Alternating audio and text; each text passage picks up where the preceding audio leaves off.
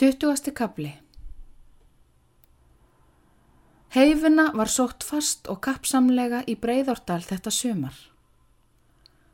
Fóðurþröngin var flestum í fersku minni og fýsti fáa til að reyna slíkt aftur ef annars væri úrkosta. Brandur á fossi hafði meira lið en undanfarin sumur og þótti heldur vinnuharðari en áður. Gróa kvartaði um það við vinkonu sína, hvað brandur heimtaði mikla vinnu af sér og væri ónær getinn með matreyslu og búverk. Hún hefði aldrei verið jafn lúin og sveflus og þetta sumar. Germundur var húsmaður í breyðholti og fjölgaði söðfjennu. Keifti ær fyrir heiverðið frá brandi og verslaði öllu sem hann komst yfir til fjárkaupa. Kappið ógs. Til að sapna sem fljótast efnum og auð, hann vann eins og hamleipa, sögðu breyðholtsmenn og nábúarnir. Þeir vissi ekki hvaða var sem gaf honum eljan, þrek og ákafa til þess að vinna og sapna. Þó hann sæi gróu, ólgaði ekki blóðið. Hann gatt vel stjórnað sjálfum sér. Viðkvæm hluttekning með hörmum hennar og yðrun yfir því að hafa aukið þá. Sært hjarta hennar og svert semdina var komin í stað ástarinnar. Honu var enþá hlýtt í þeli til hennar og áleit skildu sína að sína henni aldrei annað en vinsamlegt viðmót. En hann forðaðist að þau væru tvö einn forðaðist að koma að fossi eða tefja þar nokkuð. Bjarni í felli vanrækti ekki messuferðir þetta sumar og germundur var líka kirkjurækin, engum miður en áður hafði verið. Þurriður hefði mátt vera tornæmari en konur almennt eru, ef hún hefði ekki skilið hvað Bjarnabjó í skapi. Hann hafði að vísu ekki látið ást sína í ljós með ákveðnum orðum. En sá sig aldrei úr færi að gefa henni skinn hvað mikils hann virti hanna. Hver fögur hún væri og því lík fagur mæli sem oft láta vel í eirum en stundum geta verið leiðinleg og þreytandi. Svo virtist þurriði að hún vildi ekki skilja bjarna og döð leittist komur hans og vinnfengi. En Bjarni var þrár í skapi og þólinnmóður að fá þessu máli framgengt. Hann fór til móður sinnar og hún til prestkonunnar og þannig flyttist bónorðið. Enda tók prestkonan málinu vel og líklega. Myndist á það við þurriði sem veik öllu frá sér og bað móður sína sækja ekki það mál. Sér leki ekki hugur á giftingu og hún myndi aldrei verða bjarna unnandi. Móðir hennar beigð betra dagsráðs og vonaði eftir sigri þegar framliðu tímar og þau næðu að kynnast betur.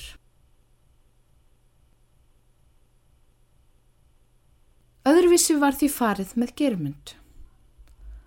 Hann var alúðar vinur sveimbjarnar og kunningi þeirra sistra. Sér að Jósteinn var alúðlegur og vinsamlegur gagvartónum en húsfröginni var fátum hann gefið og fálát í viðmóti. Þótti hann smarrar ættar og helst til framgjarn ef til vill eitt enn sem hún þó aldrei nefndi á nafn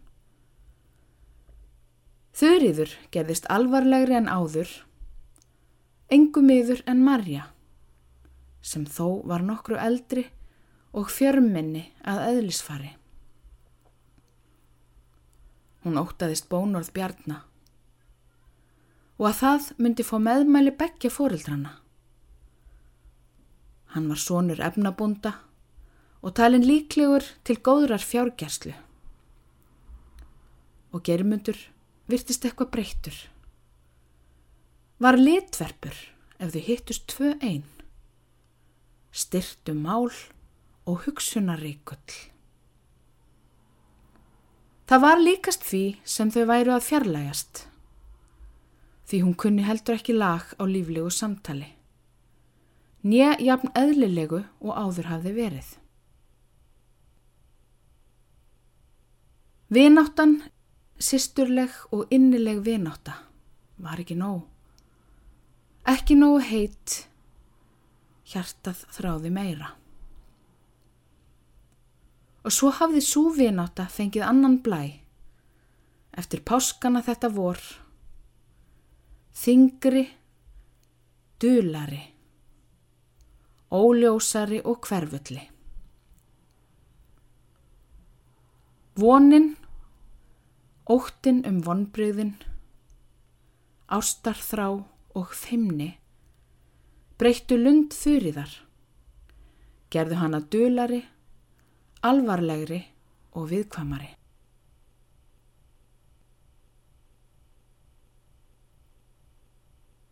Mörgum þótti undarlegt vinnfengi það sem germundur hafi fengið hjá prestsfólkinu. Hann hafði lag á að smjadra sig inn á það, rétt sloppin úr óstjórninni og lausunginni á Efrafossi. Það þekkti hann ekki nógu vel. Vissi ekki hvern mann hann gemdi. Hann kunni að diljast. Og sér að Jósteinn var of rekklaus og vandaður maður til þess að gruna aðra um undirferðli.